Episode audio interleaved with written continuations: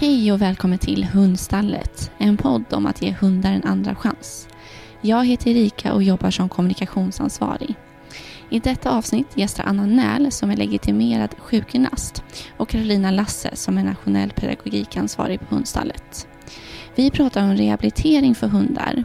Vad betyder det och hur jobbar vi med det på Hundstallet? Gilla gärna podden och skriv en recension så att vi kan nå ut till fler. Välkomna!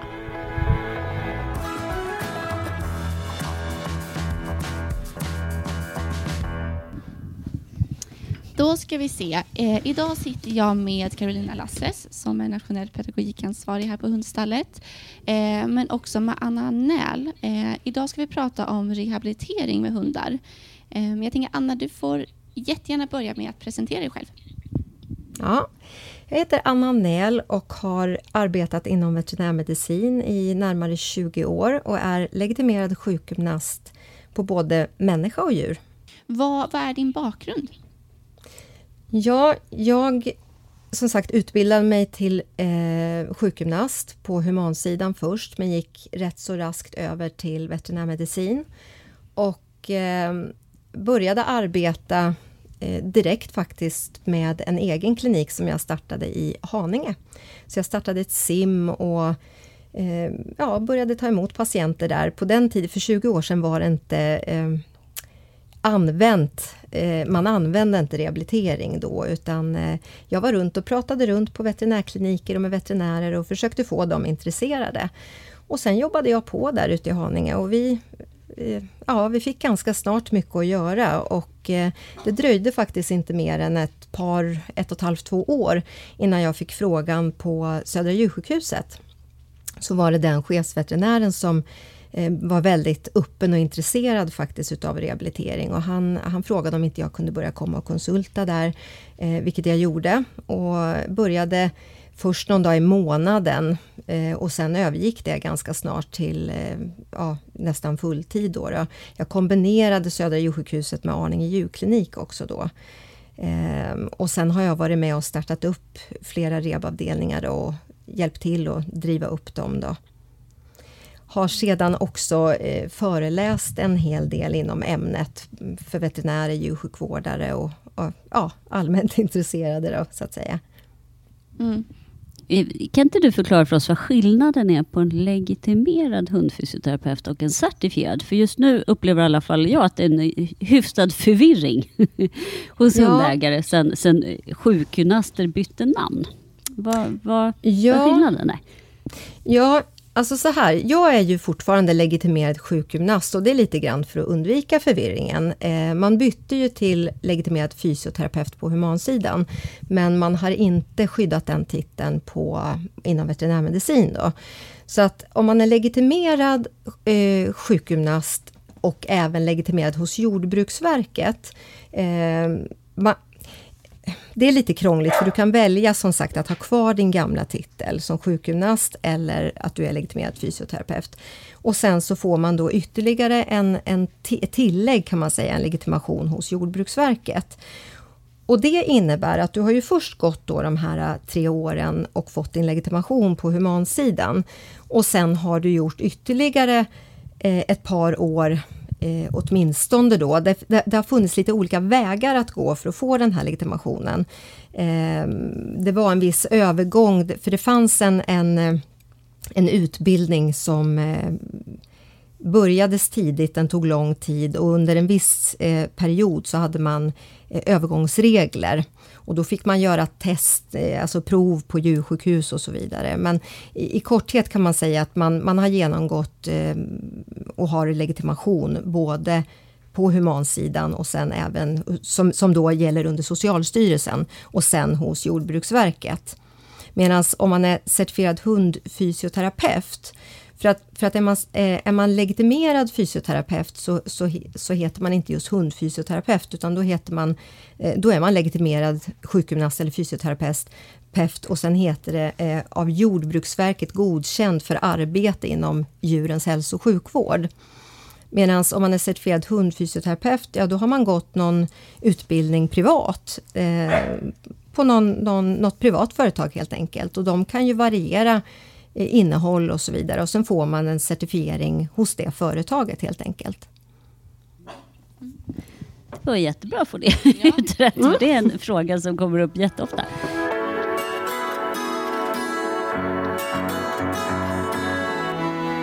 Hur, hur, går det till med behandlingsansvar och så då? Om man liksom drar igång en rehabinsats. Eh, är det någon skillnad då om man är legitimerad eller om man är certifierad utifrån ansvarsbiten? Ja, det, det är ju en stor skillnad. Det är ju att, att jag som legitimerad kan ju faktiskt bli av med en legitimation om jag inte eh, gör mitt jobb rätt, så att säga, eller om jag gör något fel. Eh, och, och, det kan man inte bli som certifierad, utan det, det gäller man under det fanns tidigare eh, något som kallades för kvacksalverilagen, men den, den finns inte kvar, den heter inte så idag. Men det är ju i princip all, all alternativ eh, medicin som hamnar där under. Då, det, då gäller det eh, det gäller andra regler så att säga, för det, det finns ingen legitimation att, att eh, bli av med så att säga. Och man gäller inte under, under Jordbruksverkets regler på det sättet. Men, men det finns ju någonting som kallas för ett behandlingsförbud då, eh, som, som sträcker sig till viss del av vad, vad man får göra och inte göra då, eh, baserat på om man är, är legitimerad eller certifierad. Finns det punkter där eh, liksom man börjar dra nytta av varandra? Har man olika roller i en rehab, eh, ett rehabteam eh, som legitimerad och certifierad? Kan det vara så att man alltså, samarbetar på något sätt? Ja, eh, det kan man ju göra, men det, det, är inte riktigt så det praktiken ser ut. Alltså som, som vi gör nu på, på, hos er på hundstallet, där är ju, där är ju jag då ansvarig och, och den som är legitimerad och utför undersökningar och lägger rehabplan och så. Och sen så, så får ju hundarna gå på behandling hos, hos Camilla som är närliggande klinik och är certifierad. Eh, men, men det är inte alla som, som arbetar så, utan det, det sker nog lite olika. Ehm, det, det, är inte alla som har det upplägget, så att säga. De flesta djursjukhus idag, eh, vågar jag säga, har nog någon legitimerad sjukgymnast som är ansvarig. Nu kommer vi in på, på rehabteamet på hundstallet. Ja, men precis. Eh, för vi, anledningen till att du gästar vår podd är ju också just för att vi har ett samarbete med dig.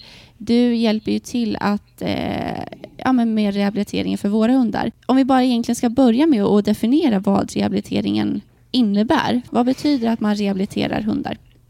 Alltså, i grund och botten så innebär ordet rehabilitering betyder att återgå till tidigare funktion efter skada, eller så nära tidigare funktion man kan komma, så att säga. För det är ju inte alltid man kan återgå till en tidigare funktion. Det beror ju på skadans art, eller ja, problematikens art. Så att säga. Du kan ju ha förslitningar eller, eller uppkomna trauman.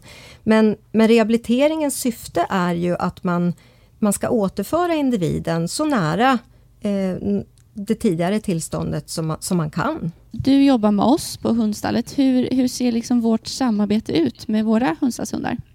Ja, men där kommer jag ju ut eh, en gång i månaden och eh, får ett antal patienter som behöver träffa mig och då har de träffat veterinären hos er.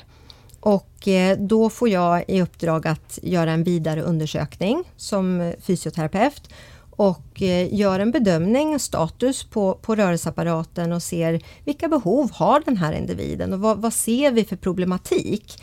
Eh, och, och, jag tittar naturligtvis på veterinärens journal och, och utgår ifrån det, det, status som veterinären har hittat och lägger till mina fynd och, och ut efter vad vi hittar så beslutas det ju då om, om man behöver göra någon vidare undersökning, eh, om det är någonting vi behöver prata om gällande medicinering eller så i, i, eh, liksom med, med tanke på rehabplanen som vi lägger. Då. Och sen lägger jag också in vilken typ av behandling och träning som den här hunden behöver få. Då. Och jag kan tänka mig då beroende på vad eh, problemet är, eller man ska säga, eh, så finns det olika typer av rehabilitering. Eh, ja. Olika former och liknande. Vad finns det för olika? Oj, det finns massa bra att göra. Eh, det, man kan dela upp det lite grann. Det, det ena det är ju jätteviktigt, det, det är att man eh, eh, tittar över vad det är som hunden inte bör göra. Alltså man, man ger olika eh, råd och regim som man kallar det för.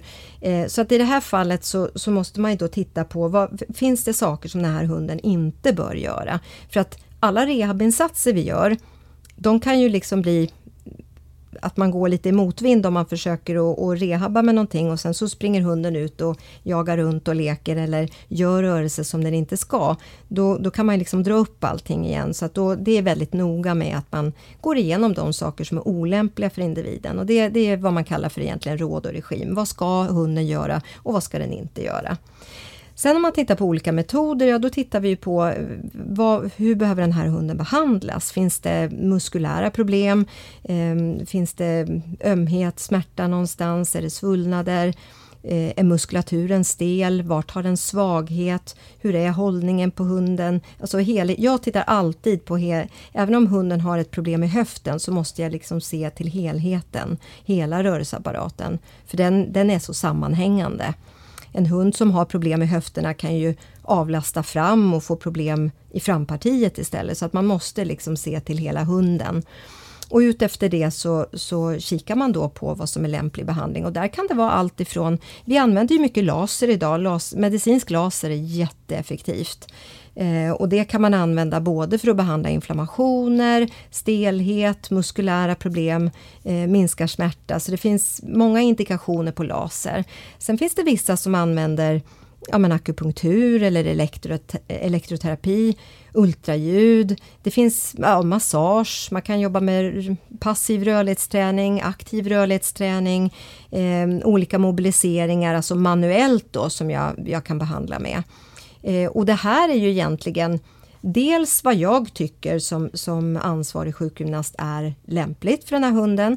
Eh, men sen kan det också vara så att eh, om, om vi är några olika sjukgymnaster som tittar på samma hund så kan ju vi anse att, den, att man kan behandla på några olika sätt. Och det här är något som, som ofta kan vara lite frustrerande kanske om man går till några olika och så tycker man att ja men den här sa det eller den här personen sa något helt annat. Vad är rätt och vad är fel?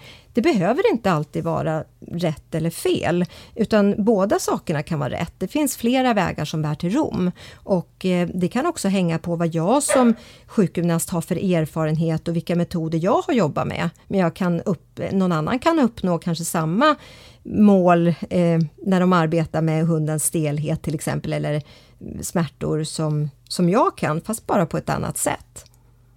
Och Jag tänker till eh, vårt samarbete. Vi har ju ja, men din hjälp, vi har en klinik här bredvid eh, som vi samarbetar med. Hur, hur, ser det ut för vårt arbete, Carolina, när vi, när vi jobbar med rehab? Eh, ja, men, när, när eh, vårt rehabarbete börjar ju både i att vi ska försöka identifiera de hundar i samråd med veterinär eh, som man tror behöver eh, komma och träffa Anna.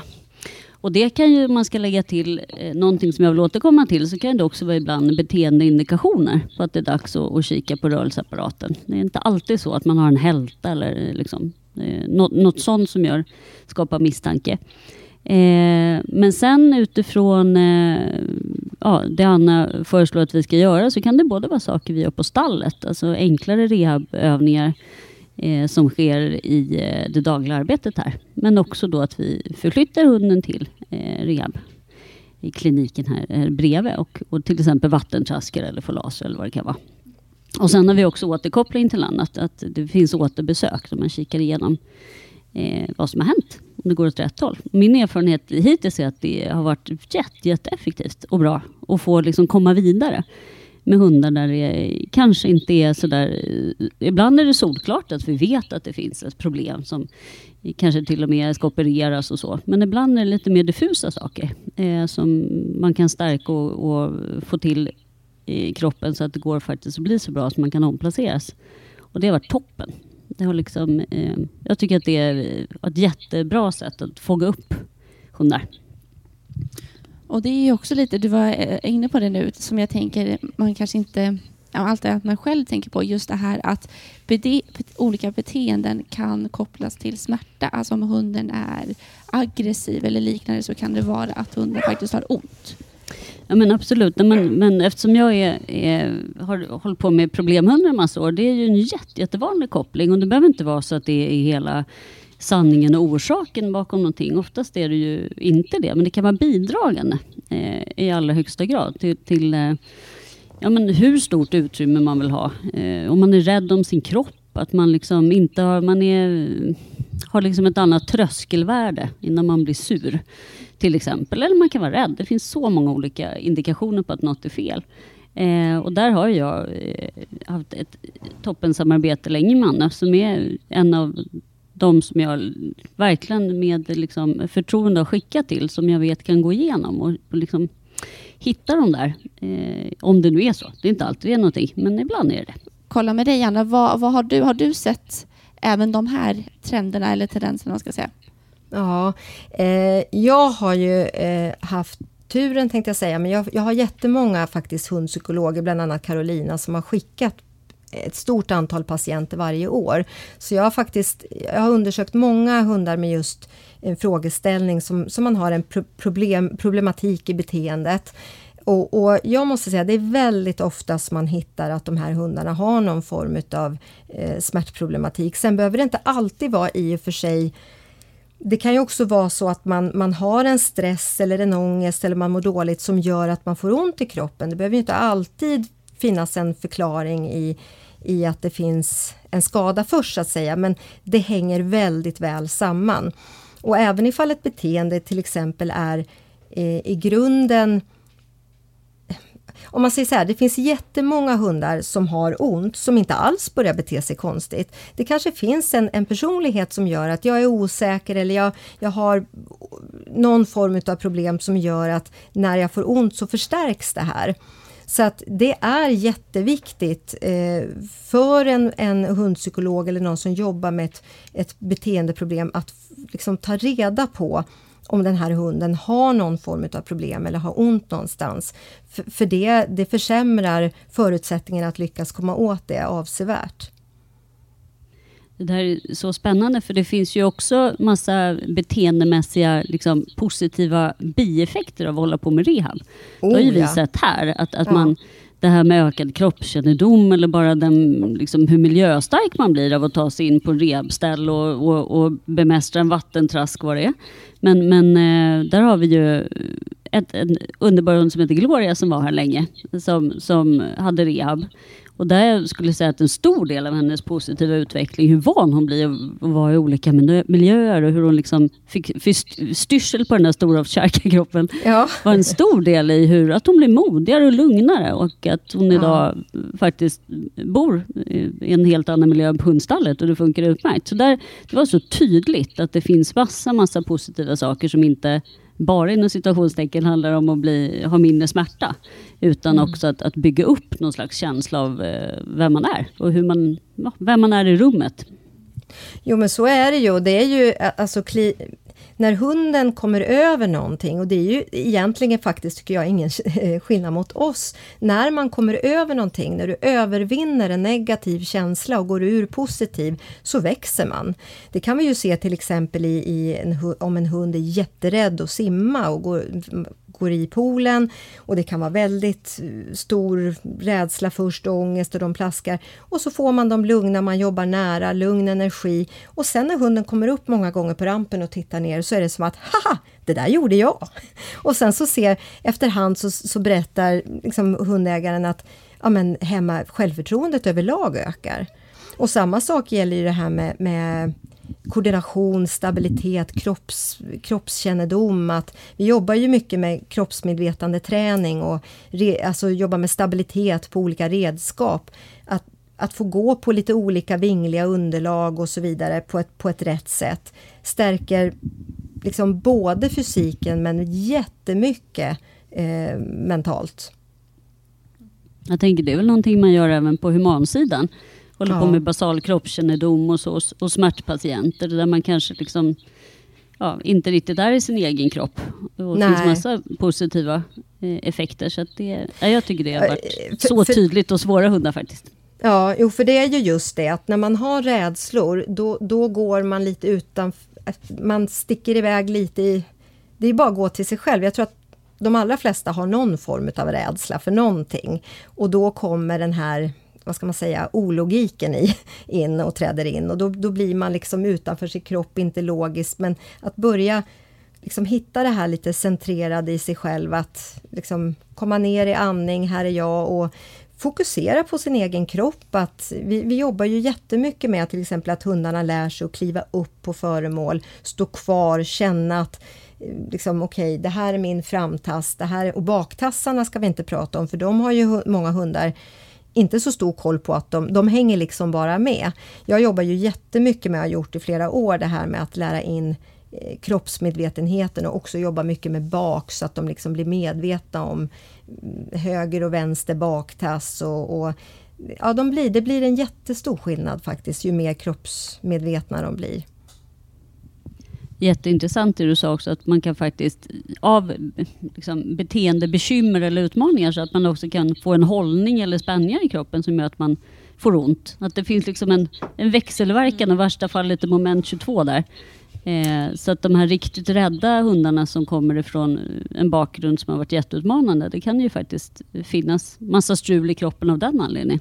Ja, de kan få ont och sen dessutom så får man ju, det är bara att gå till sig själv om man börjar få liksom en dålig hållning och så vidare. Det, det påverkar också, det pratar man ju mycket om ifall man ska liksom utstråla mera eh, självförtroende, att sträcka på sig, att liksom eh, det, det, det muskulära eh, det, det, påverkar mycket mer än vad, vad, man tror. Och när man jobbar med, med stabilitetsträning och koordination och så vidare, då jobbar man ju mycket med nervsystemet. Det är ju dels muskulaturen som stärks naturligtvis, men du jobbar mycket med nervsystemet. Och där är det dessutom så att jag använder ju det mycket i rehabilitering också för att om jag aktiverar fler eh, muskelfibrer så att säga, jag, jag, tränar upp nervsystemet, så kommer det också bli en bättre effekt utav mina promenader. Jag får dels träning när vi gör de här övningarna, men jag kommer också höja min effekt ute på promenader för att hela kroppen är liksom mer vaken. Jag brukar ta exemplet med våran triceps.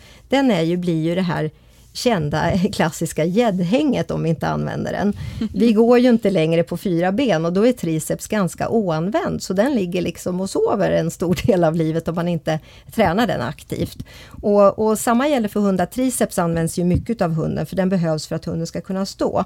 Men, men mycket av hundens, framförallt kontroll, alltså precisionsmuskulaturen och precisionen bak. Att kunna liksom stå och koordinera, sparka på en tennisboll med baktassen. Att medvetet välja att sparka lite på en tennisboll på bak, eller med baktassen. Det, det är svårt för en hund. Och tränar man de musklerna och, och, och liksom får upp nervsystemet där, då kommer de att använda kroppen på ett helt annat sätt, även bara på vanliga promenader. Anna, du har ju varit och eh, i alla fall delar av vår personal har fått tagit del av din kunskap kring rehab eftersom vi har medarbetare som ska utföra eh, rehabövningar liksom i sitt hundskötararbete. Och en mm. sak som jag eh, fick med mig när du pratade var att egentligen så är all form av rörelse bra. Form av rörelse om den är kontrollerad. Om den är fokuserad och hunden är medveten om att den mm. rör sig och hur den rör sig, så kan man inte göra så himla fel. Och Det tänker jag är ett medskick till alla vanliga hundägare också. Att det här att balansera eller liksom öva på att bara förflytta sig. Ja. Eh, följa John, den typen ja. av övningar. Att det ger ja. så himla mycket. Både verkar det ju vara ett sätt att se till att man är starkare i sin fysik och kanske mindre benägen att skada sig. Men också att det har massa positiva effekter på hur man mår. Ja, Jo, nej, men det har ju. Och just det här att man, man ska inte vara så rädd för det, för att det, det blir lätt lite... Det där beror ju också lite grann på hur man, eh, alltså vad, vad, man får för annan information om sån här träning. Men det, ska man hårdra det så är det ju så här att fart och hög, eh, alltså fart ger en hög kraft. Och när hundar springer och leker och kolliderar till exempel, det ger ju en, en betydligt högre, alltså det är ju en hög skaderisk, det är ju en kraft, en anslagskraft. Medan så länge man gör saker liksom långsamt och fokuserat och kontrollerat och att hunden blir medveten om vad den gör, så, så är ju det både stärkande men inte heller alls något direkt belastande. Och jag jobbar ju alltid med den här typen av träning där hunden ska vara just fokuserad, eh, koncentration, fokus och att utföra Ehm, alltså en, en de ska lära sig att använda sin kropp strategiskt. Att liksom vara mer medveten och liksom gå steg. Jag har någonting som jag kallar för, jag har döpt till steg för steg träning och slow workout. Och där går det ut på just att man tränar hunden i steg för steg, att lära sig att använda kroppen liksom ett ben i taget. Ska den kliva upp på soffan så tar den ett ben i taget istället för att hoppa upp på allting. Det innebär inte att inte hunden någonsin kommer att hoppa igen, men det innebär att hunden eh, lär sig att använda kroppen på det sättet och kommer att göra det mer ofta. Jag hade en engelsk Staffordshire en gång som kom till mig och det var jätteroligt för den Matte skrattade och sa du hon hoppar överallt, det spelar ingen roll, hon kommer aldrig gå någonstans. Så hon fick hemläxa på de här övningarna och vi jobbade dem parallellt. Det var inte att, att hon höll på att fya hunden så fort den hoppade någonstans, men vi jobbade med det parallellt. Och sen när hon kom tillbaka på återbesök, hon sa Anna, det är så himla häftigt. Jag har inte ens behövt att korrigera det här på något sätt, utan ju mer jag har tränat på det här så väljer hon själv att, att jobba med kroppen mer strategiskt.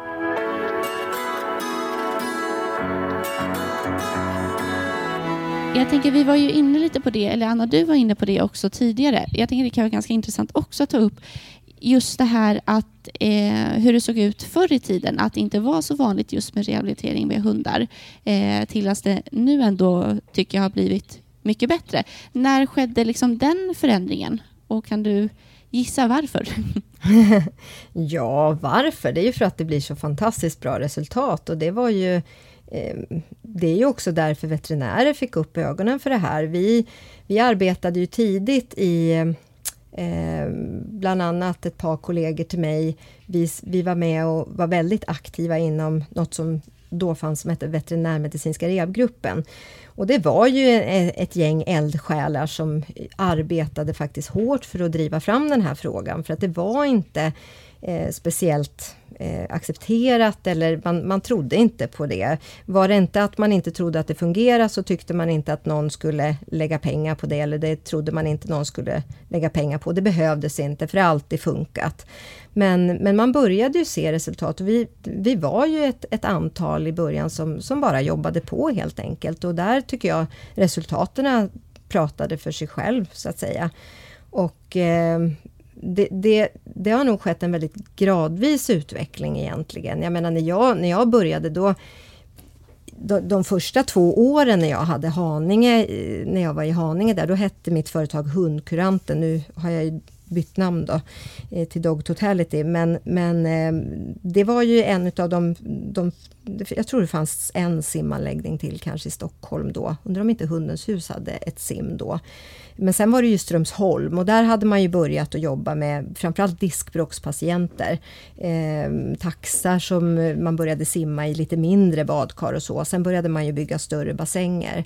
Men, men eh, det kom ju kommer ihåg, det var DN och det var Metro och det var eh, TV4. Alltså de, de var väldigt intresserade i media och kom och frågade liksom, vad, vad är det här? Spa för hund? Och, eh, är det här? Jag fick ju ofta, eh, det var inte bara en gång jag fick frågan om är det här verkligen relevant när, när det är svält i världen och ska man verkligen lägga pengar på, på det här? Jag, jag sa det, ja men då, det är ju ett konstigt resonemang att man inte ska lägga pengar på sin bästa vän för att det är svält i världen. Då ska man väl absolut inte lägga pengar på någonting utöver sin överlevnad, eh, fina jackor eller bil. Alltså för mig är det ett väldigt ologiskt resonemang. Men jag tror att det var att att man...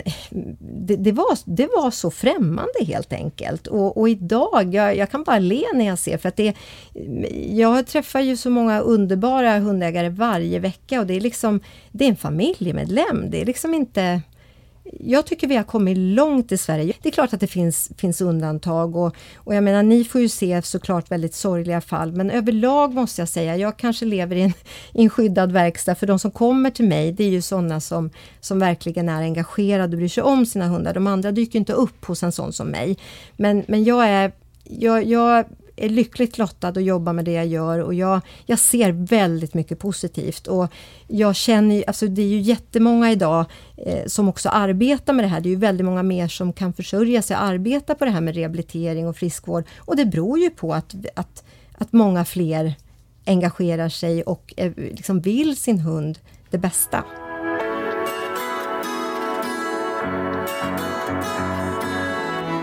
på, vi har ju varit inne på det, vilka hundar, alltså man har på något sätt någon typ av problematik och går eh, för rehabilitering, men också om det kan vara beteende.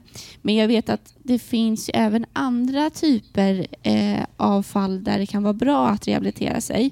Jag vet att när min hund Vilda opererade sig så fick hon hon opererade bort livmodern. Eh, och då vet jag att eh, jag i efterhand fick höra att det är väldigt bra att rehabilitera för att där har ju då musklerna eh, försvunnit. Mm. Vilket jag inte alls tänkte på innan. Jag tänker, är det sådana fall som man generellt sett inte tänker på kan behöva rehabiliteras men som kanske inte är så uppenbara? Ja, alltså nu, nu är ju jag ju förstås partisk i det här. Om du frågar mig så tycker jag ju eh, rehab och friskvård överlag om man inte eh, Även om man inte har en skadad hund med ett stort problem så kan man alltid jobba med friskvård om inte annat. Men sen finns det den här gråzonen där vi kanske inte har de klassiska artroserna eller operationerna eller det, det finns muskelskador och stukningar och det är höftledsdysplasi. Det finns en mängd olika diagnoser med både skador och förslitningar och så vidare som man kan rehabilitera. Men sen just de här fallen som du nämner. Och jag tycker ju absolut att har hunden varit utsatt för någon form av operation eller vila av någon annan anledning så finns det alltid det behöver inte vara en omfattande rehabilitering men man bör om man inte har den kunskapen kanske gå iväg på åtminstone kanske något besök och få hjälp med hur ska jag trappa upp det här? För det, det är kanske inte det kanske inte alla veterinärer tänker på att man, att man behöver det. Det är, det är ofta jag hör att eh, de säger nej men det är veterin... De sa att jag kunde bara släppa lös och det är klart att sitter man inte och jobbar med det så kanske man inte... Och, och, och många gånger kan det gå bra, absolut. Men jag, jag har absolut i mitt jobb många gånger fått tagit del utav eh, skador som man hade kunnat undvika där, där, det, där det blir väldigt påtagligt i ett senare skede att, att det är en äldre skada och att det här hade man kunnat gjort någonting åt tidigare. Så att, så att det, jag tycker väl att det, jag, jag, ser det som att det finns alltid ett värde. Skulle jag få en patient eh, till mig som, som kanske dessutom inte har något Eh, jättestort behov utav, utav rehab och man ser att det här är en, en lätt åtgärd, då nyttjar vi ju tiden till att lägga in liksom, vad kan vi göra friskvårdsmässigt så att säga. Hur kan vi jobba med förebyggande träning? Hur ser din hund ut i kroppskonstitutionen? Hur, hur ja, vad, vad, kan du göra för, för friskvårdsåtgärder? Så att det, det finns både den delen som är, är väldigt tydliga rehabåtgärder och det finns friskvård och sen har vi kanske en, en gråzon däremellan där, där det är ja, men som du nämner efter en, en kastrering eller så, där, där man kanske har en nytta utav att faktiskt köra lite rehab i alla fall.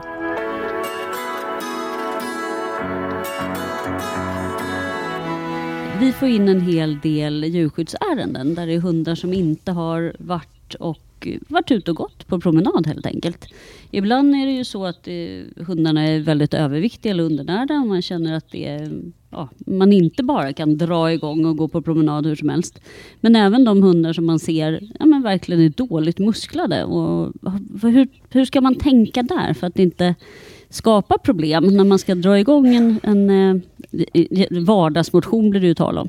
Ja, det beror ju naturligtvis på liksom vilket skick hunden är i. För att det är klart, har du haft en hund sen valp och du vet att den har fått en normal motion, ja men då, då utökar man ju den. Jag brukar säga att man ska alltid utöka stegvis. Så att du ska liksom inte gå från att ha gått en 20 minuters promenad hela tiden och så börjar du gå ut två timmar. Det är klart att hunden kan klara av det och det, har den inga skador eller problem så kanske den ja, men i bästa fall får lite träningsverk. Men, men det finns liksom ingen anledning att ösa på all, all fysi, alltså allting i vår fysiska kropp mår bäst utav förberedelse. Att få en förberedande eh, liksom belastningsökning där vi ökar stegvis. Att liksom kasta sig på någonting som ger en 100% belastningsökning är både onödigt och kan ge eh, onödiga skador.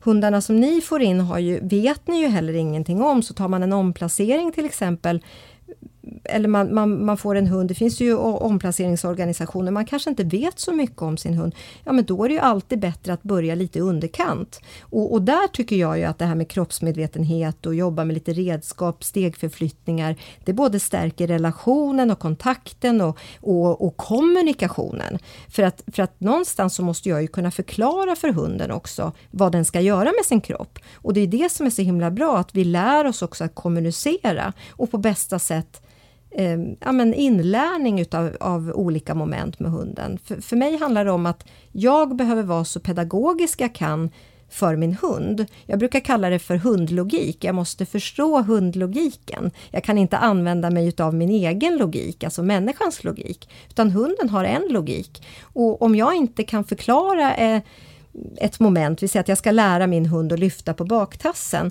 ja men då måste jag lista ut liksom, vad, vad är min hunds logik? Hur, förstår, hur kan jag förklara så att min hund förstår? Då låter det ändå som att när vi får in de här äh, väldigt, väldigt omusklade hundarna som har kanske inte kommit ut på promenad alls, så är det viktigare kanske bara lära känna sin kropp och, ja, och sakta viktigare. komma igång än ja, att, att för, dra igång för fort. Ja, och det här är ju en vanlig, man har så bråttom ut och öka promenader och det är ju så här, det man ska tänka på det är att eh, de rörelser som vi utför kan man säga programmeras i hjärnan ju. Vi har ett motoriskt minne. Och om vi bara går ut och går, då är det ju liksom det, det, det lagras i motorminnet och det vi gör mycket blir vi bra på. Eh, jag börjar alltid med, väldigt, med, med, om jag får hem en valp i väldigt ung ålder, inte att hårdträna på något sätt eller att sitta och nöta saker, men jag leker in olika kroppsrörelser och låter hunden upptäcka sin kropp. Och på det sättet så stoppar jag in en massa program i, i, i, hundens hjärna, i motorminnet. Det är samma sak för oss. Dansar vi så får vi ett bredare program av rörelser i, i hjärnan. Och, och det gör ju att vi, hunden kommer att använda sin kropp på, på ett mycket bättre och säkrare sätt om, om man har en, en bred, ett bredare sätt att använda sin kropp på.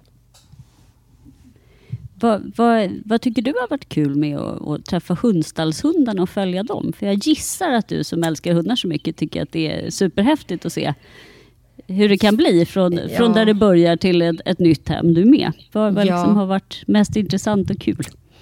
Åh, det är ju jätteroligt. Jag känner mig jätteglad att jag blev tillfrågad för att komma till er och det är så himla det är så himla givande och, och, och roligt att få, få hjälpa till med det här. Och det, just att följa många hundar som, ja men som du säger, som först är väldigt osäkra, man ser de har varit med om saker och bara, bara det att få hjälpa dem om de har mindre, om de har smärtor eller värk, att liksom få, få göra en insats för dem som, som hjälper dem att börja må bättre. Men också se den här fantastiska utvecklingen som också sker med, med faktiskt eran helt fantastiska personal. Eh, hur fint man arbetar med hundarna och hur, hur deras självförtroende växer. För det är ju, det är ju helt fantastiskt. Ibland, alltså man förundras ju över hur, hur många hundar som ändå man tänker, gud har den här hunden varit med om, om så här mycket, men, men ja, vilket självförtroende de kan få tillbaka. Och det, det är otroligt roligt att se den, den förändringen. Det är, det är ju faktiskt en hel del hundar som har liksom mellanlandat i, i dina händer på vägen till ett nytt ja, hem. Jo, det är ju det. det. Du, du skulle bara veta hur många det är som, ja. som nu bor någonstans och, och oh. går på långpromenader i fjällen och har sig. Oh. Det är otroligt häftigt. Jättebra. Ja, superkul. Ja, verkligen. Och det är också väldigt roligt att vi kan påbörja det som de faktiskt behöver fortsätta sen i eh, sitt eh, ja, eh, hem. Att vi kan liksom ändå redan här börja jobba med det som ja. de behöver. Och då känner ju faktiskt hunden igen, igen mycket av de här grejerna och då kan, då kan man ju få med sig det och börja jobba med det redan från början och det blir också till viss del ett kommunikationssätt som hunden förstår redan från början och som man kan applicera i en ny familj när man kommer hem. Det tycker jag är jättevärdefullt